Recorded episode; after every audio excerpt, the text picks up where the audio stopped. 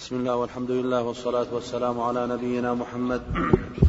قال الإمام مسلم رحمه الله تعالى حدثني أبو الطاهر قال أخبرنا عبد الله بن وهب قال أخبرني يونس عن ابن شهاب قال أخبرني أبو سلمة بن عبد الرحمن عن أبي سعيد الخدري رضي الله عنه حاء حدثني حرملة بن يحيى وأحمد بن عبد الرحمن الفهري قال أخبرنا ابن وهب قال أخبرني يونس عن ابن شهاب قال أخبرني أبو سلمة بن عبد الرحمن والضحاك الهمداني أن أبا سعيد الخدري رضي الله عنه قال بينا نحن عند رسول الله صلى الله عليه وسلم وهو يقسم قسما أتاه ذو الخويصرة وهو رجل من بني تميم فقال يا رسول الله اعدل. قال رسول الله صلى الله عليه وسلم ويلك ومن يعدل إن لم أعدل؟ قد خبت وخسرت. قد خبت وخسرت إن لم أعدل. فقال عمر الخطاب قد خبت أنت وخسرت يعني إن لم يعدل نبيك. بسم الله الرحمن الرحيم والصلاة والسلام يصلح قد خبت أنا وخسرت لكن لولا قد خبت خطاب له. قد خبت وخسرت إن كان نبيك لا يعدل. ويصلح قد خبت نعم. وهذا أصل الخوارج. الخويصرة التميمي. نعم. قد خبت وخسرت إن لم أعدل. فقال عمر بن الخطاب رضي الله عنه يا رسول الله ائذن لي فيه أضرب عنقه. قال أضرب, أضرب عنقه. جواب الشرع جواب الأمر. ائذن لي أضرب. إسكان نعم.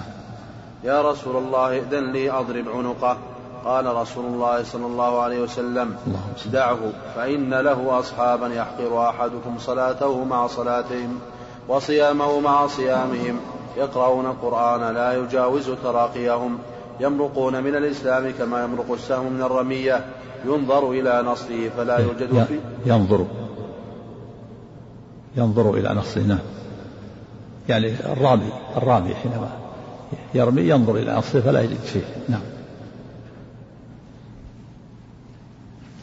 ينظر إلى أصله فلا يوجد فيه شيء.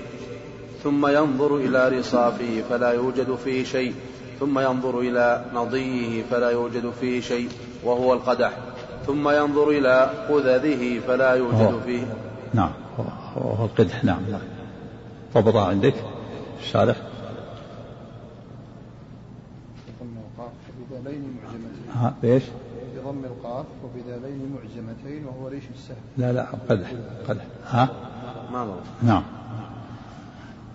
فلا يوجد فيه شيء وهو القدح ثم ثم ينظر إلى قذذه فلا يوجد فيه شيء سبق الفرث والدم. آيتهم رجل أسود إحدى عضديه مثل ثدي المرأة أو مثل البضعة تدردر يخرجون على حين فرقة من الناس.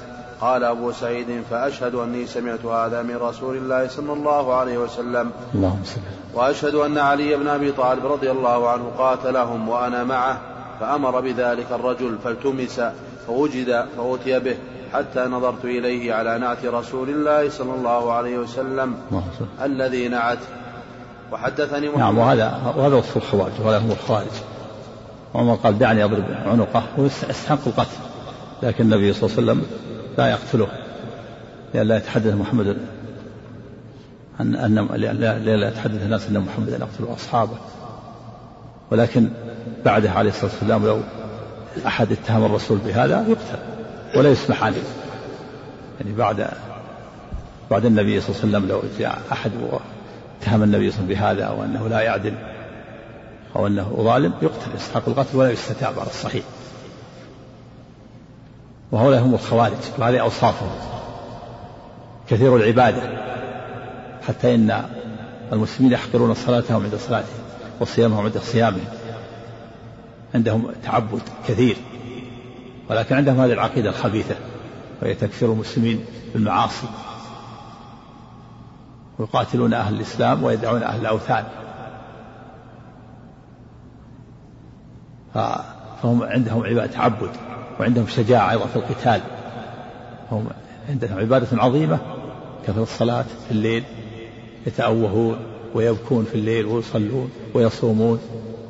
ويقاتلون شجاعة إلا أنهم والعياذ بالله يكفرون المسلمين بالمعاصي ويقاتلونهم يقتلون أهل الإسلام ويدعون أهل الأوثان ويقرؤون القرآن أيضا لا يجاوز حناجرهم لا يجاوز تراقيهم.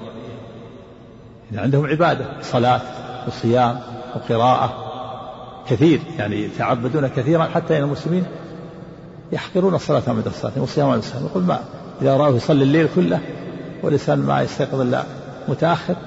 كيف؟ إذا نسب صلاته إلى الصلاة يحقر صلاته إلى الصلاة وهذا يصلي من أول الليل أو من وسط الليل.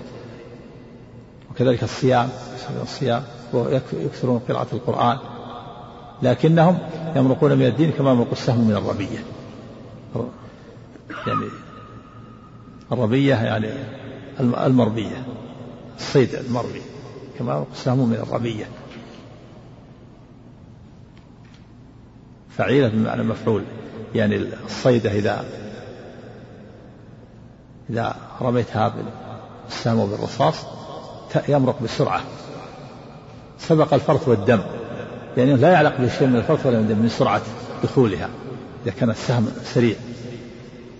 ينظر أحدهم إلى نصله النصل حديدة السهم والقذة جمع قذة وهي ريشة السهم والرصاف هي مدخل النصل من السهم والنضي هو القدح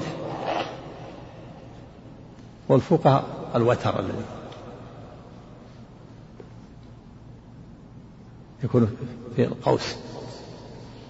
والمعنى أن أن هؤلاء يخرجون من الدين خروجا سريعا خروجا سريعا. كما أن السهم إذا دخل في الرمية وخرج منها سريعا لا يعلق فيه شيء من الدم. بسبب سرعة مروره. ولهذا قال سبق الفرث والدم. من شدة دخوله وخروجه سبق الفرث والدم. وهؤلاء من شدة خروجهم من الدين يشبهون بخروج السهم من الرمية آيتهم علامتهم رجل في إحدى عضديه كقطعة لحم تدردر وفي لفظ كثدي المرأة. وفي اللفظ الآخر طبي شاة يعني كضرع الشاة. وفي لفظ آخر ليس له لحمة تتعلق بالعضد ليس له ليس له ذراع. يده ليس لها ذراع لحمة تدردر يعني تضطرب. فيها شعيرات. هذه علامتهم يخرجون على حين فرقة من الناس. على حين اختلاف. وهم خرجوا وقت الفرقة. من الصحابة الحروب بين علي ومعاوية خرج هؤلاء الخوارج. هذا فيه علامات عدة علامات يعني آيات دلائل من دلائل النبوة عليه الصلاة منها أنه ذكر أنهم يكثرون الصلاة والصيام قراءة القرآن ومنها أنهم يقاتلون أهل الإسلام. كل هذه من علامة النبوة. ومنها أن آيتهم هذا الرجل الذي ليس له يد مختج اليد ليس لها يده ذراع وإنما له عضد في طرفها قطعة لحم تدردر فيها شعيرات. ومنها أنهم يخرجون على حين فرقة من الناس من بين المسلمين. خرجوا حين اختلف المسلمون واختلف الصحابة. ومنها تقتلهم أن تقتلهم أدنى الطائفتين بالحق وهم علي. كل هذه من علامات النبوة. احتج بهذا من العلماء قال بكفر الخوارج. هذا صريح في كفرهم. يمرقون من الدين كما يمرق السهم من الرمية وهو رواية عن الإمام أحمد. في لفظ يقتلون الإسلام ويدعون الأوثان. ولكن الجمهور على أنهم مبتدعة. وأنهم فساق مبتدعة وليسوا كفار لأنهم متأولون. ليسوا جاحدين. فرق بين الجاحد والمتأول. والصحابة عملهم معاملة المبتدعة نعم. لكن متأولون متأولون الجمهور فسقوهم وبدعوهم. الصحابة عاملهم معاملة معاملة المسلمين ولا معاملة معاملة الكفار. نعم. والقول بكفر قول قوي الأحاديث واضحة. نعم. يمرقون من الدين كما يمرق من الرمية يخرجون من الدين ثم لا يعودون إليه يقتلون الإسلام ويدعون الأوثان. نعم. وحدثني محمد بن مثنى قال حدثنا ابن أبي عدي عن سليمان عن أبي نضرة عن أبي سعيد رضي الله عنه أن النبي صلى الله عليه وسلم ذكر قوما يكونون في أمتي يخرجون في فرقة من الناس سيماهم التحالق. وهذه من الصلاة سيماهم التحالق الحلق يشددون في حلق الرأس ويتعبدون يلزمون ويستأصلون شعر الرأس فيكون أبيض أصلع ويتعبدون بهذا ويلزمون. لكن حلق الرأس لا بأس به كما في حديث النبي رأى صبيا قال احلقه كله واتركه كله لكن هؤلاء يشددون. أولا أنهم يستأصلون الشعر لا يبقون شيء حتى أصول الشعر. وثانيا أنهم يلزمون بهذا ويتعبدون بهذا سماه آية علامتهم التحليق. نعم. هذه من أوصافهم والرجل لا يعترض على محلق الرأس كما جاء في الحديث. كف اللحية محلوق. نعم. قال هم شر الخلق أو من أشر الخلق. وهذا من أدلة كفرهم قالوا شر الخلق أو من شر الخليقة. قالوا هذا يدل على كفرهم. والجمهور قالوا شر الخلق من المسلمين يعني. تأولوا هذا نعم. قال هم شر الخلق أو من أشر الخلق. يقتلهم أدنى الطائفتين إلى الحق. قال فضرب النبي صلى الله عليه وسلم لهم مثلا. فقتلهم علي. فدل على أنه أقرب طائفتين الحق. استدل به على أن الحق مع علي رضي الله عنه. وأما أهل الشام ومعاذ هم بغاة متأولون مأجورون على اجتهادهم وفاتهم أجر الصواب. وأما علي ومعاذ فهم حصلوا على أجرين أجر الصواب وأجر الاجتهاد. فهم أدنى الطائفتين بالحق. وهي على كل من الطائفتين مسلمون. والرد على من كفر كلهم مسلمون كلهم مؤمنون كلهم مجتهدون. كل الطائفتين على الحق. نعم. قال فضرب النبي صلى الله عليه وسلم لهم مثلا أو قال قولا الرجل يرمي الرمية أو قال الغرض فينظر في النصر فلا يرى بصيرة فلا يرى بصيرة وينظر في النضي فلا يرى بصيرة. نعم البصيرة شيء من الدم. النضي القدح والنصر. حديث السهم. يرحمك الله نعم. ينظر في حديث السهم ما يرى شيء. ينظر في النضي وهو القدح ما يرى شيء من الدم بسرعة دخول السهم وخروجه. وفي اللفظ سبق الفرث والدم. هذا ضرب له مثل في شدة خروجهم من الدين سرعة السهم. نعم. وينظر في النضي فلا يرى بصيرة وينظر في الفوق فلا يرى بصيرة. وهو الوتر نعم. الذي موضع الوتر من القوس نعم. قال قال أبو سعيد وأنتم قتلتموهم يا أهل العراق. حدثنا شيبان بن فروخ قال حدثنا القاسم وهو ابن الفضل الحداني قال حدثنا أبو نضرة عن أبي سعيد الخدري رضي الله عنه قال قال رسول الله صلى الله عليه وسلم اللهم صل تمرق مارقة عند فرقة من المسلمين يقتلها أولى الطائفتين بالحق. نعم فقتلهم علي رضي الله عنه فدل على أنه أقرب للحق من معاوية ومن معه وأنهم أهل الصواب. وأما معاوية فهم بغاة. بغاة مجتهدون. ولا يعلمون أنهم بغاة هم مجتهدون. نعم. يجب الترضي عنهم. نعم. حدثنا أبو الربيع, أبو الربيع الزهراني وقتيبة بن سعيد. قال قتيبة حدثنا أبو عوانة عن قتادة عن أبي نضرة عن أبي سعيد الخدري رضي الله عنه قال قال رسول الله صلى الله عليه وسلم اللهم تكون في أمتي فرقتان فتخرج من بينهما مارقة يلي قتلهم أولاهم بالحق. وهذا من علامات النبوة حصل هذا. كون فرقتان وفرقة علي وأهل العراق ومعاوية وأهل الشام. على خرج خرجت هذه الطائفة من الخوارج على في وقت الفرقة فقتلهم أدنى الطائفتين بالحق. وهم علي رضي الله عنه. هذا من علامات النبوة نعم. حدثنا محمد المثنى قال حدثنا عبد الأعلى قال حدثنا داود عن أبي نضرة عن أبي سعيد الخدري رضي الله عنه أن رسول الله صلى الله عليه وسلم قال تمرق مارقة في فرقة من الناس فيلي قتلهم أولى الطائفتين بالحق. نعم.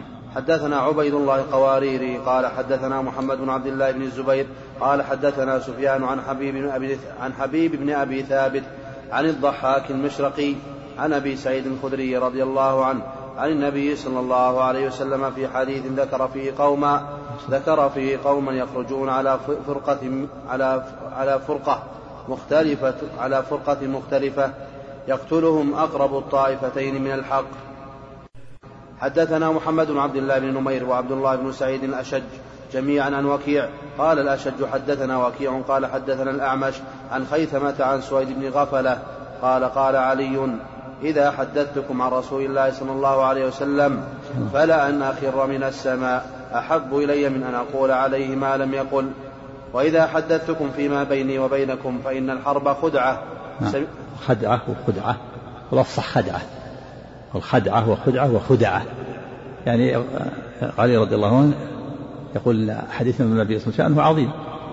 ولا يمكن أن يحدث بشيء لم أسمعه. ولا إن أخر أخر من السماء أخر أن نتكلم أن نكذب على رسول الله. أما إذا الحديث اللي فيما بيني وبينكم فإن الخبر خدعة. يعني يمكن يعمل بالتورية في مسائل الحروب يوري بشيء معنى أنه يظهر شيئا ويريد خلافه. نعم. أما حديث الرسول يقول فإن لا, لا يمكن أن يكون فيه تساهل. نعم.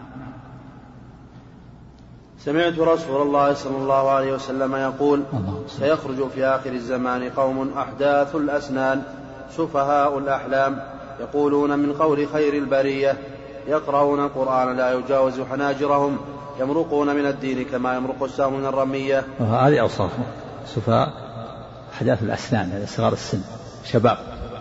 سفهاء الأحلام عقولهم ضعيفة. هم حدثاء الأسنان يعني شباب صغار السن وأحلامهم وعقولهم ضعيفة يقرؤون القرآن يقولون من قول خير البرية يعني يقرؤون الأحاديث ويحفظون الأحاديث ويقرؤون القرآن ولا يجاوز حناجرهم لعدم فقههم وضعف عقولهم واعتدادهم برأيهم. ومن هنا جاءهم البلاء. ويعتدون برأيهم ولا يرجعون إلى أهل العلم ولا أهل البصيرة وإنما يأخذون بما تمليه عليه عقولهم الضعيفة السخيفة ويعملون وفق آرائهم وشهواتهم ويعتدون بآرائهم. نعم. وهم سفهاء الأحلام حدثاء الأسلام. نعم. نعم. يقرؤون القرآن لا يجاوز حناجرهم يمرقون من الدين كما يمرق السهم من الرمية فإذا لقيتموهم فاقتلوهم فإن في قتلهم أجرا. فإن في قتلهم أجرا لمن قتلهم عند الله يوم القيامة. حدثنا إسحاق وابن إبراهيم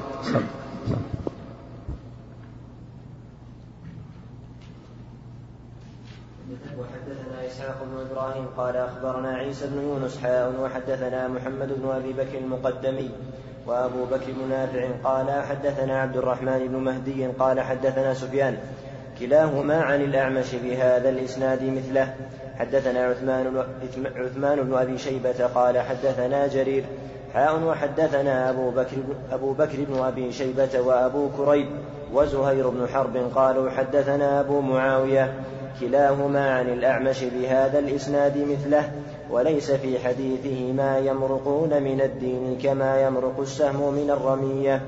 وحدثنا محمد بن أبي بكر المقدمي قال حدثنا ابن علية وحماد بن زيد حاء وحدثنا قتيبة بن سعيد قال حدثنا حماد بن زيد حاء وحدثنا أبو بكر بن أبي, أبي ابن أبي شيبة وزهير بن حرب واللفظ لهما قال حدثنا إسماعيل بن علية عن أيوب عن محمد عن عبيدة عن علي رضي الله عنه قال ذكر الخوارج فقال فيهم رجل مخدج اليد أو مودن اليد أو مثدون اليد. يعني ناقص اليد. كلها مختج ناقص. مثدون. يعني يده ناقصة. ليس له ذراع. وإنما له عضد في طرفها لحمة تضطرب فيها شعيرات. هذه هذه آياتهم يعني علامتهم. والآية هي العلامة.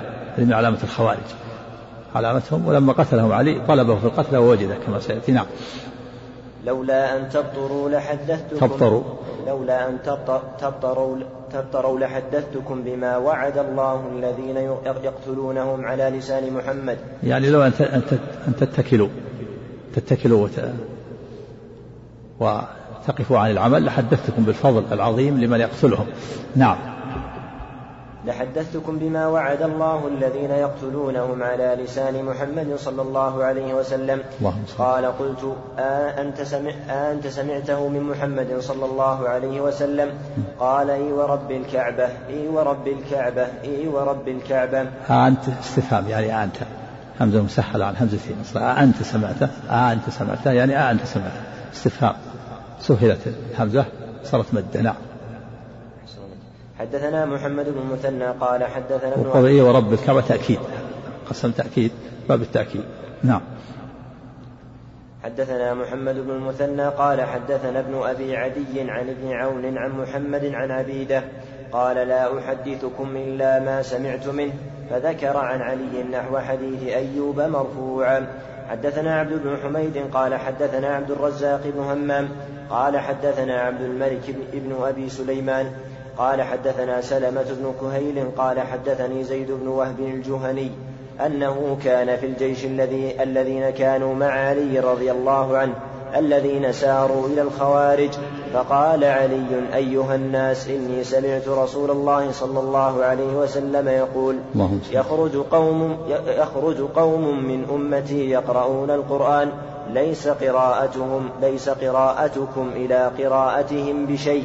ولا صلاتكم إلى صلاتهم بشيء ولا صيامكم إلى صيامهم بشيء. يعني هم أكثر منكم قراءة وصيام وصلاة يكثرون من القراءة والصلاة والصيام نعم. ولا صيامكم إلى صيامهم بشيء يقرؤون القرآن يحسبون أنه لهم وهو عليهم. نعم. لا تجاوز صلاتهم تراقيهم. يمرقون من الإسلام كما يمرق السهم من الرمية. لو يعلم الجيش الذين يصيبونهم ما قضي لهم على لسان نبيهم صلى الله عليه وسلم لاتكلوا عن العمل وآية ذلك أن فيهم رجلا له عضد وليس له ذراع على رأس عضده مثل حلمة الثدي عليه شعرات بيض فتذهبون إلى معاوية وأهل الشام وتتركون هؤلاء يخلفونكم في ذراريكم وأموالكم والله إني لأرجو أن يكونوا هؤلاء القوم فإنهم قد سفكوا الدم الحرام وأغاروا في سرح الناس فسيروا على اسم الله. قال سلمة بن كهيل فنزلني زيد بن وهب منزلا. فنزلني. فنزلني زيد بن وهب منزلا حتى قال مررنا على قنطرة فلما التقينا وعلى الخوارج يوم يومئذ عبد الله بن وهب الراسبي. فقال لهم ألقوا الرماح. وسلوا سيوفكم من جفونها فإني أخاف أن يناشدوكم كما ناشدوكم يوم حرورا. فرجعوا فوحشوا برماحهم وسلوا السيوف وشجرهم الناس برماحهم. قال, وقال وقت وقتل بعضهم على بعض وما أصيب من الناس يومئذ إلا رجلان. فقال علي رضي الله عنه التمسوا فيه التمسوا فيه المخدج. فالتمسوه فلم يجدوه فقام علي رضي الله عنه بنفسه حتى أتى ناسا قد قتل بعضهم على بعض قال أخروهم فوجدوه مما يلي, مما يلي الأرض فكبر ثم قال صدق, صدق الله وبلغ رسوله قال فقام إليه عبيدة السلماني فقال يا أمير المؤمنين آه الله الذي لا إله إلا هو آه الله آه الله الذي الله الذي لا إله إلا هو. الهمزة من حروف القسم مثل والله. نعم نعم. الله الذي لا إله إلا هو. لسمعت هذا الحديث من رسول الله صلى الله عليه وسلم. فقال إي والله الذي لا إله إلا هو. حتى استحلفه ثلاثا وهو يحلف له. من باب التأكيد. وإلا مرة واحدة كافية. وفي أن علي كبر رضي الله عنه. تصديقا للنبي صلى الله عليه وسلم. لما رأى هذا الرجل ليس له يد له عضد طرفها لحم مثل مثل حلمة الثدي عليها شعيرات بيض تضطرب فكبر. نعم. هذا من علامة النبوة. نعم. حدثني أبو الطاهر أبو الطاهر ويونس بن عبد الأعلى قال أخبرنا عبد الله بن وهب قال أخبرني عمرو بن الحارث عن بكير بن الأشج عن بسر بن سعيد عن عبيد الله بن أبي رافع مولى رسول الله صلى الله عليه وسلم أن الحرورية لما خرجت وهو مع علي بن أبي طالب رضي الله عنه. والحرورية الخوارج سموا حرورية لأنهم نزلوا بلدة يقال لها حرورة في العراق فنسبوا إليها. نعم. قالوا لا حكم إلا لله قال علي كلمة حق أريد بها باطل. إن رسول الله صلى الله عليه وسلم وصف ناسا إني لا أعرف صفتهم في هؤلاء. يقولون الحق بألسنتهم لا يجوز هذا منهم وأشار إلى حلقه من أبغض خلق الله إليه منهم أسود إحدى يديه طبي شاة أو حلمة ثدي. طبي يعني ضرع ضرع شاة. أصل الطبي لكل السباع وللكلاب نعم.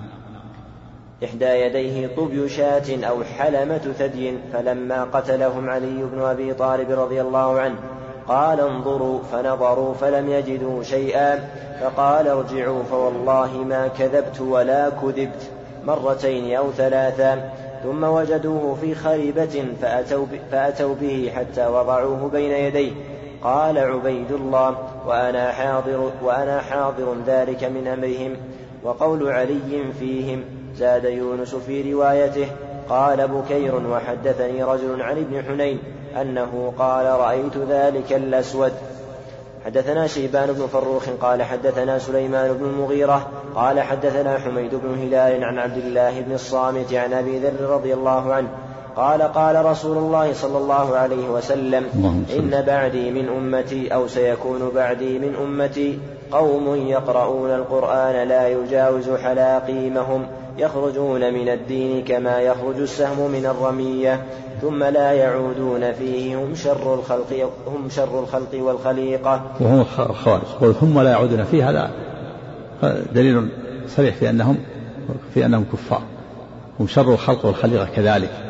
لكن الجمهور تأولوا هذا بأنهم ضلال وأنهم مبتدعة لأنهم متأولون. نعم. قال ابن الصامت فلقيت رافع بن عمرو الغفاري أخا الحكم أخا الحكم الغفاري. قلت ما حديث سمعته من أبي ذر كذا وكذا فذكرت له هذا الحديث. فقال وأنا سمعته من رسول الله صلى الله عليه وسلم. حدثنا أبو بكر بن أبي شيبة قال حدثنا علي بن مسهر عن الشيباني عن يسير بن عمرو قال سألت سهل بن حنيف رضي الله عنه هل سمعت النبي صلى الله عليه وسلم يذكر الخوارج؟ فقال سمعته وأشار بيده نحو المشرق. قوم يقرؤون القرآن بألسنتهم لا يعدو تراقيهم يمرقون من الدين كما يمرق السهم من الرمية. وحدثناه أبو كامل قال حدثنا عبد الواحد قال حدثنا سليمان الشيباني بهذا الإسناد وقال يخرج منه أقوام. وحدثنا أبو بكر بن أبي شيبة وإسحاق جميعا عن يزيد قال أبو بكر حدثنا يزيد بن هارون عن العوام بن حوشب ابن حوشب قال حدثنا أبو إسحاق قال حدثنا أبو إسحاق الشيباني عن أسيد بن عمرو عن سهل بن حنيف رضي الله عنه عن النبي صلى الله عليه وسلم قال يتيه قوم قبل المشرق محلقة رؤوسهم. يعني يضلون. يتيهون يضلون. وهم الخوارج. محلقة رؤوسهم يعني علامة لهم. نعم. حدثنا عبيد الله بن معاذ العنبري قال حدثنا أبي قال حدثنا شعبة عن محمد وهو ابن زياد. سمع أبا هريرة رضي الله عنه يقول أخذ الحسن بن علي تمرة من, تم من تمر الصدقة فجعلها في فيه فقال رسول الله صلى الله عليه وسلم كخ كخ ارمي بها أما علمت أنا لا نأكل الصدقة. نعم وهذا فيه تعليم الصغار وتمرينهم وتدريبهم ومنعهم مما يمنع عنه الكبار. الصدقة لا تحل النبي صلى الله عليه وآل محمد لأنها أوساخ الناس. ولذلك زجر النبي الحسن كخ كخ كلمة زجر. قال كخ كخ كخ كخ كخ كخ كخ فيها فيها لغات نعم. وحدثنا وحدثنا يحيى بن يحيى وأبو بكر بن أبي شيبة وزهير بن حرب جميعا عن وكيع عن شعبة بهذا الإسناد وقال أنا لا تحل لنا الصدقة. وحدثنا محمد بن بشار قال حدثنا محمد بن جعفر حاء وحدثنا محمد بن المثنى قال حدثنا ابن أبي عدي. كلاهما عن شعبة في هذا الإسناد كما قال ابن معاذ أنا لا نأكل الصدقة. حدثنا حدثني هارون, هارون بن سعيد الأيلي قال حدثنا ابن وهب قال أخبرني عمرو أن أبا يونس مولى أبي هريرة حدثه عن أبي هريرة رضي الله عنه عن رسول الله صلى الله عليه وسلم أنه قال إني لأنقلب إلى أهلي فأجد التمرة ساقطة على فراشي ثم أرفعها لآكل لآكلها ثم أخشى أن تكون صدقة فألقيها. وهذا فيه ورع النبي صلى الله عليه وسلم العظيم. يترك التمر خشية أن تكون من الصدقة وهي محرمة عليه هذا ورع عظيم عليه الصلاة والسلام. وفي دليل على أنه لا بأس بأخذ اللقطة الشيء اليسير يلتقط ولا يعرف يملك كالعصا والصوت والبيضة خمسة ريالات عشرة ريالات وما أشبهها لأن هذا شيء يسير لا تتبع همة وساط الناس مثل التمرة. نعم. أحسن الله عليك وحدثنا محمد بن رافع قال حدثنا عبد الرزاق بن همام قال حدثنا معمر عن همام بن منبه قال هذا ما حدثنا أبو هريرة رضي الله عنه عن محمد رسول الله صلى الله عليه وسلم فذكر أحاديث منها وقال رسول الله صلى الله عليه وسلم والله إني لأنقلب إلى أهلي فأجد التمرة ساقطة على فراشي أو في بيتي فأرفعها لآكلها ثم أخشى أن تكون صدقة أو من الصدقة فألقيها. عليه الصلاة والسلام. حدثنا يحيى بن يحيى قال أخبرنا وكيع عن سفيان عن منصور عن طلحة بن مصرف عن أنس بن مالك رضي الله عنه أن النبي صلى الله عليه وسلم وجد تمرة فقال لولا أن تكون من الصدقة لأكلتها. وحدثنا أبو كريب قال حدثنا أبو أسامة عن زائدة عن منصور عن طلحة بن مصرف قال حدثنا أنس بن مالك أن رسول الله رضي الله عنه أن رسول الله صلى الله عليه وسلم مر بتمرة بالطريق فقال لولا أن تكون من الصدقة لأكلتها حدثنا محمد بن المثنى وابن بشار قال حدثنا معاذ بن هشام قال حدثني أبي عن قتادة عن أنس عن انس عن أنس رضي الله عنه أن النبي صلى الله عليه وسلم وجد تمره فقال لولا أن تكون صدقة لأكلتها. حدثني حدثني عبد الله بن محمد بن أسماء الضبعي قال حدثنا جويرية عن مالك. نعم.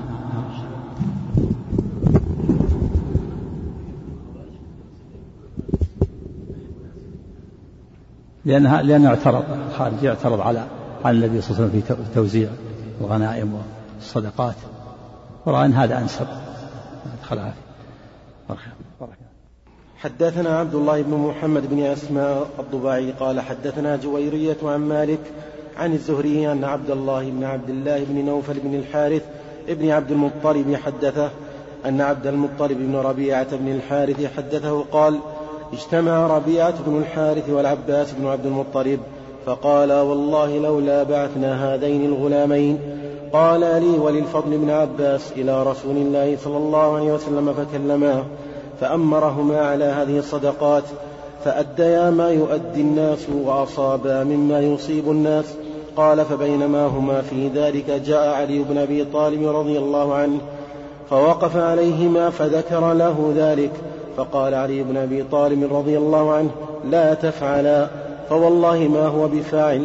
فانتحاه ربيعة بن الحارث فقال والله ما تصنع هذا إلا نفاسة منك علينا. فوالله لقد نلت صير رسول الله صلى الله عليه وسلم فما نفسناه عليك. قال علي رضي الله عنه أرسلوهما فانطلقا. واضطجع علي رضي الله عنه قال فلما صلى رسول الله صلى الله عليه وسلم الظهر سبقناه إلى الحجرة فقمنا عنده حتى جاء فأخذ بآذاننا ثم قال أخرجا ما تصرران. ثم دخل ودخلنا عليه وهو يومئذ عند زينب بنت جحش رضي الله عنها قال فتواكلنا الكلام. ثم تكلم أحدنا فقال يا رسول الله أنت أبر الناس وأوصل الناس وقد بلغنا النكاح. فجئنا لتؤمرنا على بعض هذه الصدقات فنؤدي إليك كما يؤدي الناس ونصيب كما يصيبون. قال فسكت طويلا حتى أردنا أن نكلمه. قال وجعلت زينب تلمع علينا من وراء الحجاب ألا تكلما. قال ثم قال إن الصدقة لا تنبغي لآل محمد إنما هي أوساخ الناس ادعوني ادعوني محمية.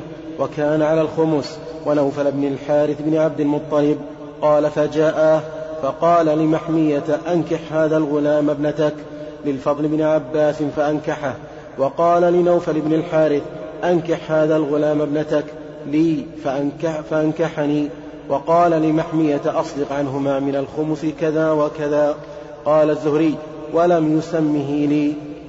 حدثنا هارون بن معروف قال حدثنا ابن وهب قال أخبرني يونس بن يزيد عن ابن شهاب عن عبد الله بن الحارث بن نوفل الهاشمي أن عبد المطلب بن ربيعة بن الحارث بن عبد المطلب أخبره أن أباه ربيعة بن الحارث بن عبد المطلب والعباس بن عبد المطلب قالا لعبد المطلب بن ربيعة وللفضل بن عباس ائتيا رسول الله. رسول الله صلى الله عليه وسلم وساق الحديث بنحو حديث مالك وقال فيه فألقى علي رداءه ثم اضطجع عليه وقال أنا أبو حسن القرم.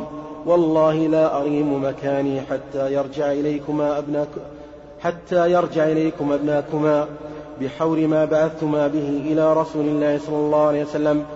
وقال في الحديث ثم قال لنا إن هذه الصدقات إنما هي أوساخ الناس وإنها لا تحل لمحمد ولا لآل محمد.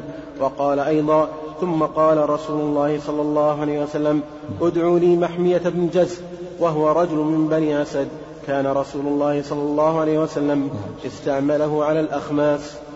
بسم الله الرحمن الرحيم. الحمد لله رب العالمين.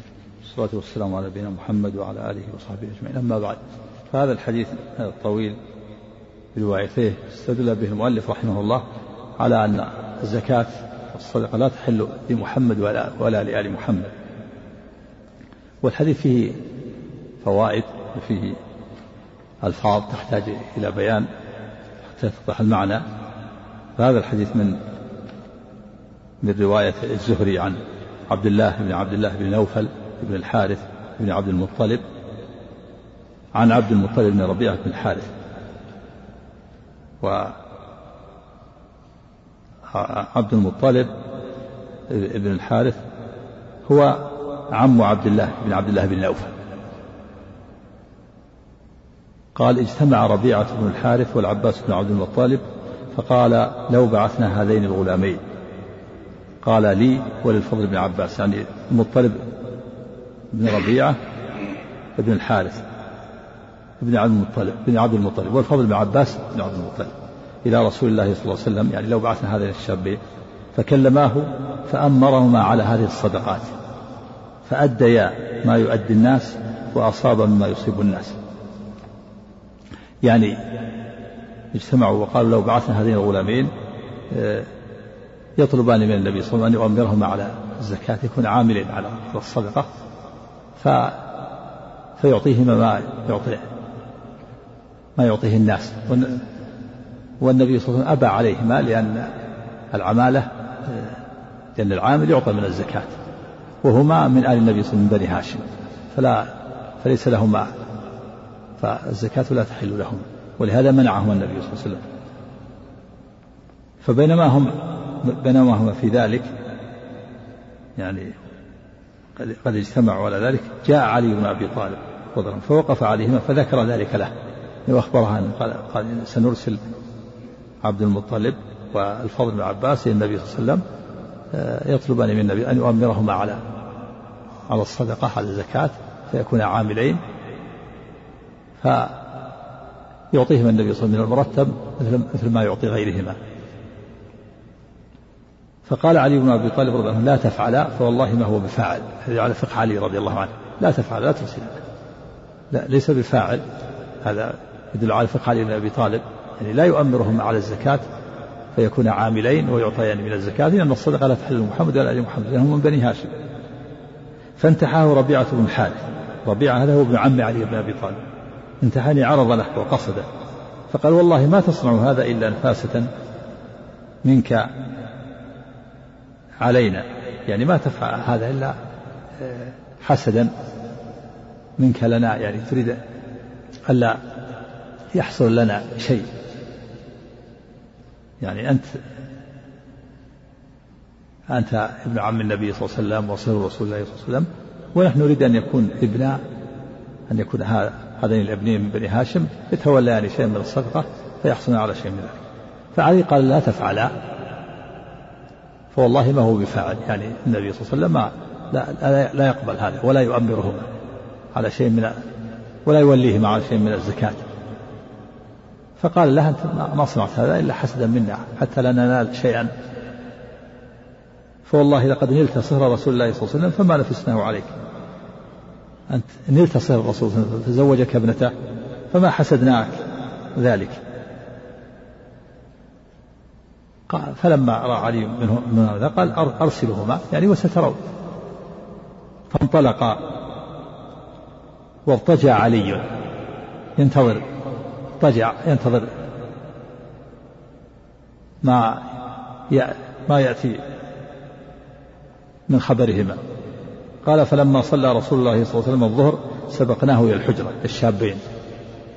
هما الشابان اللي هما عبد المطلب بن ربيعة والفضل بن عباس. سبقناه إلى الحجرة. فقمنا عندها حتى جاء فأخذ بآذاننا عليه الصلاة والسلام. ثم قال أخرج ما تصرذان. يعني ما تجمعان في صدوركما من الكلام. ما, ما عندكم من الكلام. أيها الشابان. ثم دخل ودخلنا عليه وهو يومئذ عند زينب بنت جحش. قال فتوكلنا الكلام. ثم تكلم أحدنا. فقال يا رسول الله أنت أبر الناس وأوصل الناس وقد بلغنا النكاح. يعني الحلم يعني بلغنا الحلم نحتاج إلى الزواج ونحتاج إلى مهر. فجئنا لتؤمرنا على بعض هذه الصدقات. تؤمرنا على الزكاة. فنؤدي إليك كما يؤدي الناس ونصيب كما يصيبون. يقول نحن شابان قد بلغنا الحلم ونحتاج إلى الزواج وليس عندنا شيء ونحتاج إلى مهر. فلو أمرتنا على الزكاة الصدقات ثم تعطينا مثل ما تعطي الناس من مرتب حتى نتزوج قال فسكت طويلا حتى أردنا أن أن نكلمه. قال وجعلت زينب تلمع علينا من وراء حجاب ألا تكلمه. يعني تشير بيدها أو بثوبها من وراء الحجاب ألا تكلمه. قال ثم قال ثم قال النبي صلى الله عليه وسلم إن الصدقة لا تنبغي لآل محمد إنما هي أوساخ الناس. هذا هو الشاهد من الحديث. الصدقة لا لا تحل لآل محمد. في هذا الحديث دليل على أن الصدقة والزكاة محرمة على محمد وعلى آل محمد. وسلم سواء كان بسبب العمل أو بسبب الفقر. وهذان الشابان يريدان أن يعملا. سواء كان بسبب العمل أو بسبب الفقر والمسكنة أو غيرهما من الأسباب. من الأسباب الثمانية التي ذكرت في الآية الكريمة. إنما الصدقات للفقراء والمساكين والعاملين عليها والمؤلفة قلوبهم وفي الرقاب والغارمين وفي سبيل الله. آل النبي صلى الله عليه وسلم بن هاشم بن المطلب وحرمت عليهم الصدقة. لا يدفع إليهم شيء من الصدقة ولا يكون لعمال. وجوز بعض العلماء جوز بعض الشافعية لبني هاشم وبن المطلب العمل على الصدقة بسهم بسهم العامل. لأنه قالوا لأنه لأنه إجارة لكن هذا ضعيف وهو باطل لأن الحديث صريح في رد هذا. الحديث صريح طلب من النبي صلى الله عليه وسلم أن يكون على على الزكاة على الصدقة فمنعهما وقال إن الصدقة لا تحل لمحمد وآل ولا لآل محمد. إنما هي أوساخ الناس. فيه بيان أن العلة في تحريم الصدقة على محمد وآل محمد صلى الله عليه وسلم أنها لكرامتهم وتنزيههم عن الأوساخ. ومعنى أوساخ الناس أنها تطهير أنها تطهير لأموالهم. كما قال الله تعالى خذوا من أموالهم صدقة تطهرهم وتزكيهم بها. فهي تطهر المال وتطهر نفس صاحبها. تطهر نفس المزكي من الشح والبخل وتطهر المال. فما كانت إذا كانت تطهر المال تكون وسخ. فالله تعالى كرم محمد وآل محمد عن أخذ الزكاة التي أوساخ الناس. وفي الحديث التنبيه على العلة وبيان ببيان أن الشريعة معللة وأن ولها أحكام وأسرار وفي هذا الحديث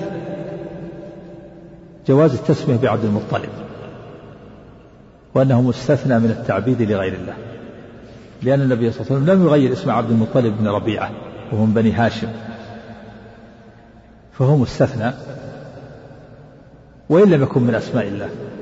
ولهذا قال ابن حزم رحمه الله كما نقلها الشيخ محمد بن الوهاب رحمه الله في كتاب التوحيد قال ابن حزم اتفقوا على تحريم كل اسم معبد لغير الله حاشا عبد المطلب. يعني إلا عبد المطلب. اتفقوا على تحريم كل اسم معبد لغير الله حاشا عبد المطلب فإنهم اختلفوا فيه. وهذا الحديث فيه أن النبي صلى الله عليه وسلم ما غير عبد المطلب بن ربيعة من الشباب وهو حي. لأن الأموات لا يعني من مات مثل عبد مناف وعبد المطلب الذين ماتوا لا لا تغير أسماء الأموات لكن الأحياء. عبد المطلب حي ولم يغير اسمه.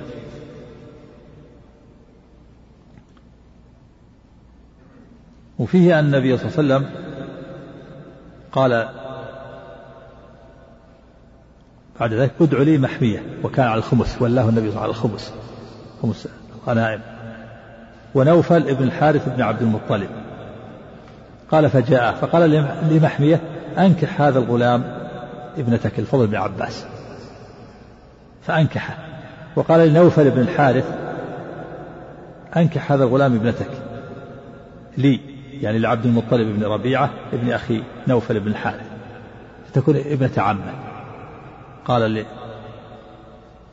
لمحمية أنكح الفضل بن عباس ابنتك. وقال لنوفل أنكح هذا الغلام يعني عبد المطلب بن ربيعة ابنتك. قال فأنكحني. وقال لمحمية أصدق عنهما من الخمس. من خمس الغنيمة والفيء ففيه أن محمدا وآل محمد عليه الصلاة والسلام يعوضون عن الصدقة من خمس الغنيمة ومن الفيء.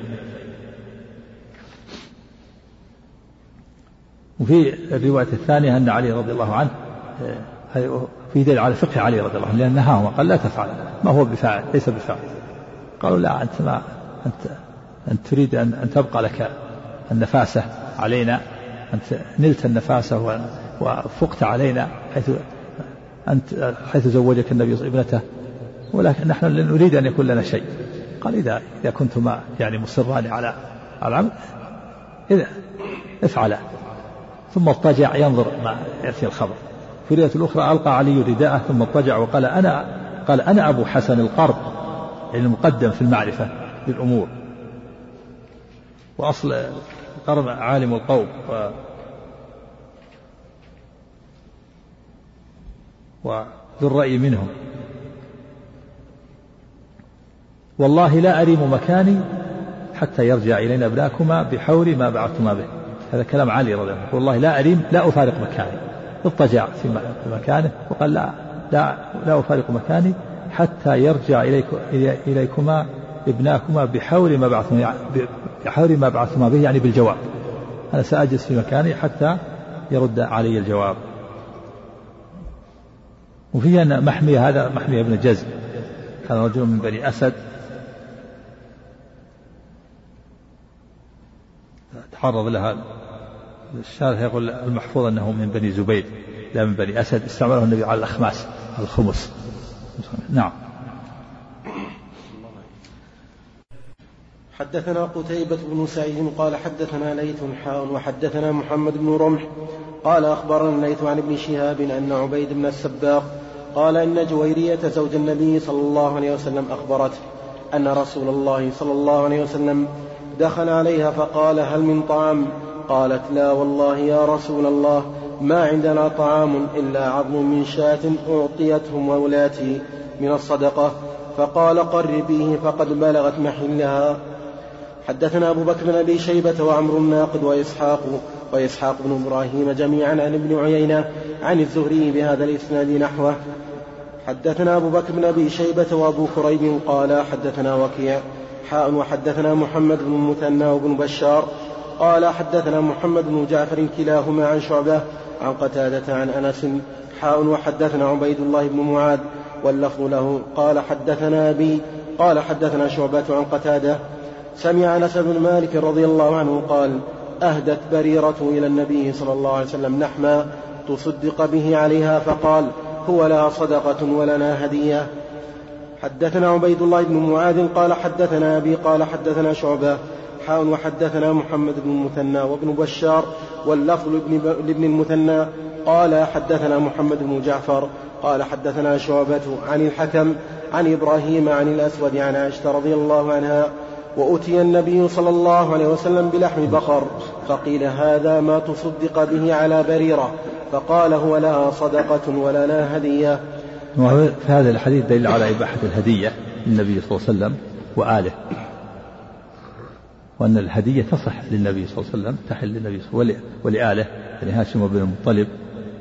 وفيها دليل على أن الصدقة إذا قبضها المتصدق المتصدق عليه زال عنها وصف الصدقة. في دليل على أن الصدقة إذا قبضها المتصدق عليه زال عنها وصف الصدقة وحل للغني الأكل منها. إذا دعاه الفقير وقدمها له. وكذا تحل لآل النبي صلى الله عليه وسلم بني هاشم وبن المطلب إذا دعاهم الفقير وقدمها لهم أو أهدى لهم منها. ويشهد لهذا الحديث حديث لا تحل الصدقة إلا لخمسة غارم أو عامل أو غازي أو رجل اشتراها بماله أو غني أهدى له فقير أو كما جاء في الحديث. يراجع الحديث. وما في الصحيح كافي. فالصدقة إذا قبضها الفقير تغير حكمها الآن. إذا أهدى للغني أو دعا الغني فأكل أو أهدى لآل النبي صلى الله عليه وسلم حل. لأنها بلغت محلها وتغير حكمها. نعم. حدثنا زهير بن حرب وابو كريب قال حدثنا ابو معاوية قال حدثنا هشام بن عروة عن عبد الرحمن بن القاسم عن أبيه عن عائشة رضي الله عنها قالت كانت كانت في بريرة ثلاث ثلاث قضيات كان الناس يتصدقون عليها وتهدي لنا فذكرت ذلك للنبي صلى الله عليه وسلم فقال هو عليها صدقة ولكم هدية فكلوه. القضية القضية القضايا يعني ثلاث سنن صار فيها ثلاث سنن. يعني سنن واضحة. منها هذه التي ذكرتها عائشة. أن الناس يتصدقون عليها وهي فقيرة وتهدي للنبي صلى الله عليه وسلم فيأكل من الهدية. لأنه تغير حكمه. ومنها منها أن الأمة إذا عتقت تحت عبد فإنها تختار تختار نفسها. لأن كان زوجها مغيث عبد فاختارت نفسها.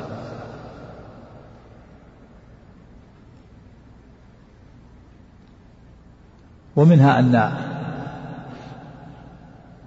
أن البائع إذا باع الأمة أو العبد واشترى الولاء فإنه لا يكون له الولاء ولو اشترطه يبطل الشرط ويصح العقد لأن بريرة اشترطها عائشة واعتقتها لكن اشترط أهلها أن يكون لهم الولاء فأبطل النبي صلى الله عليه وسلم هذا الشرط وجعل الولاء قال الولاء لمن اعتق. هذه سنن ثلاث سنن ثلاث قضايا هذه بارزة وإلا فيها فوائد وأحكام كثيرة حتى استنبط بعض العلماء من حديث بريرة أكثر من 100 فائدة. لكن قول عائشة ثلاث سنن ثلاث قضيات وفي لفظ ثلاث سنن يعني ثلاث سنن بارزة.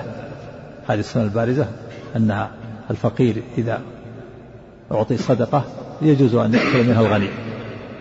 ومنها أن الأمة إذا عتقت تحت عبد فإنها تختار نفسها إن شاءت بقيت وإن شاءت رجعت ومنها أن أن. أن البائع إذا باع الأمة أو العبد واشترط الولاء فإنه يصح البيع ويبطل الشرط لأن الولاء لمن اعتق نعم. وحدثنا أبو بكر بن أبي شيبة قال حدثنا حسين بن علي عن زائدة عن سماك عن عبد الرحمن بن القاسم عن أبيه عن عائشة رضي الله عنها حاول وحدثنا محمد بن المثنى قال حدثنا محمد بن جعفر قال حدثنا ما تبقى من مادة هذا الشريط تتابعونها في الشريط التالي. وحدثنا أبو بكر بن أبي شيبة قال حدثنا حسين بن علي عن زائدة عن سماك عن عبد الرحمن بن القاسم عن أبيه عن عائشة رضي الله عنها حاء وحدثنا محمد بن المثنى قال حدثنا محمد بن جعفر قال حدثنا شعبة قال سمعت عبد الرحمن بن القاسم قال سمعت القاسم يحدث عن عائشة رضي الله عنها عن النبي صلى الله عليه وسلم بمثل ذلك وحدثني أبو الطاهر قال حدثنا ابن وهب قال أخبرني مالك بن أنس عن ربيعة عن القاسم عن عائشة رضي الله عنها عن النبي صلى الله عليه وسلم بمثل ذلك غير أنه قال وهو لنا منها هدية. حدثني زهير بن حرب قال حدثنا إسماعيل بن إبراهيم عن خالد عن حفصة عن أم عطية رضي الله عنها قالت بعث إلي رسول الله صلى الله عليه وسلم بشاة من الصدقة فبعثت إلى عائشة رضي الله عنها منها بشيء فلما جاء رسول الله صلى الله عليه وسلم إلى عائشة رضي الله عنها قال هل عندكم شيء؟ قالت لا إلا أن نسيبة بعثت إلينا من الشاة التي بعثتم بها إليها. قال إنها قد بلغت محلها نعم كما سبق يعني أنها تغير حكمها الآن. هي عليها صدقة وهي هدية. نعم. حدثنا عبد الرحمن بن سلام الجمحي. قال حدثنا الربيع يعني ابن مسلم عن محمد وهو ابن زياد عن أبي هريرة رضي الله عنه أن النبي صلى الله عليه وسلم كان إذا أتي بطعام سأل عنه. فإن قيل هدية أكل منها وإن قيل صدقة لم يأكل منها. نعم فيها النبي صلى الله عليه وسلم يأكل من الهدية ولا يأكل من الصدقة. نعم.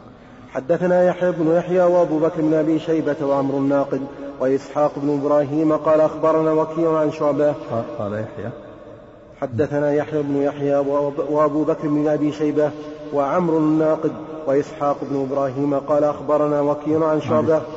قال يحيى أخبرنا. قال يحيى أخبرنا وكيع. ساكت عندك؟ نعم قال يحيى نعم. الله قال يحيى أخبرنا وكيع عن شعبة عن عمرو بن مرة.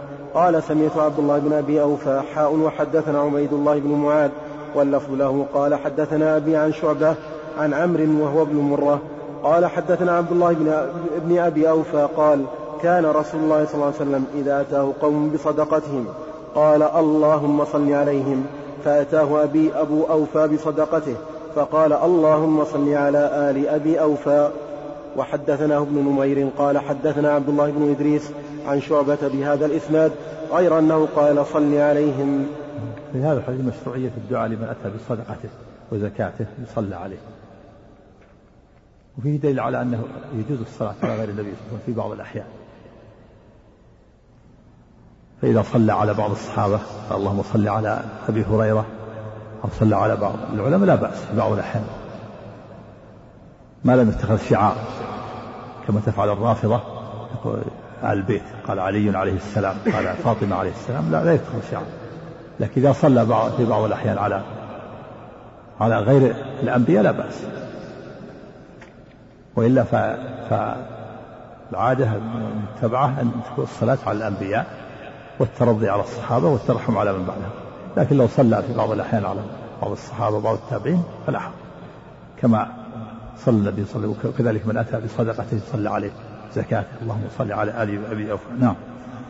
عفى الله عنك. حدثنا يحيى قال أخبرنا هشيم حاء وحدثنا أبو بكر بن أبي شيبة قال حدثنا حفص بن غياث وأبو خالد الأحمر حاء وحدثنا محمد بن مثنى قال حدثنا عبد الوهاب وابن أبي عدي وعبد الأعلى كلهم عن داود حاء وحدثنا زهير بن حرب واللفظ له قال حدثنا إسماعيل بن إبراهيم قال أخبرنا داود عن الشعبي عن جرير بن عبد الله رضي الله عنه قال قال رسول الله صلى الله عليه وسلم إذا أتاكم إذا أتاكم المصدق, المصدق فليصدر وهو عنكم راض. المصدق العامل والساعي الساعي والمعامل الصدقة في مشروعية إرضاء الساعي والمصدق. فأنا ينبغي إرضاؤه. ولهذا قال النبي إذا أتاكم مصدق فليصدر عنكم وهو راضي. في مشروعية إرضاء الساعي والمصدق العامل ما لم يصب حراما. وفيه أنه ينبغي طاعة ولاة الأمور وملاطفتهم. فالعمال من ولاة الأمور.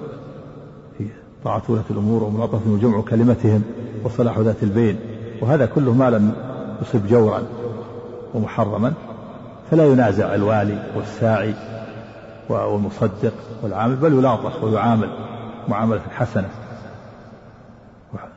ويحسن معه الخلق حتى لا يظلم أصحاب الأموال. فإن سوء العشرة وعدم الملاطفة قد يكون سببا في ظلم الساعي والوالي والمصدق. إذا أساء إليه صاحب المال وتكلم بكلام سيء قد يظلمه قد يكون هذا سببا في ظلمه. لكن ينبغي ملاطفته وحسن المعاملة معه. حتى تسد الألفة والمحبة وحتى لا يحصل الشقاق والنزاع وحتى لا يكون هذا سببا في ظلم العمال لأصحاب الأموال. ولهذا قال النبي صلى الله عليه وسلم إذا أتاكم مصدق فليصدر عنكم وهو راض. يعني ما لم يكن في ذلك إثم. نعم. نعم. نعم. بسم الله الرحمن الرحيم. محمد نعم. تفضل.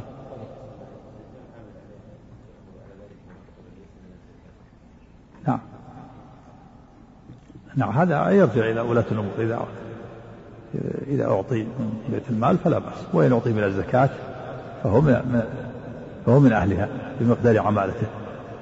نعم.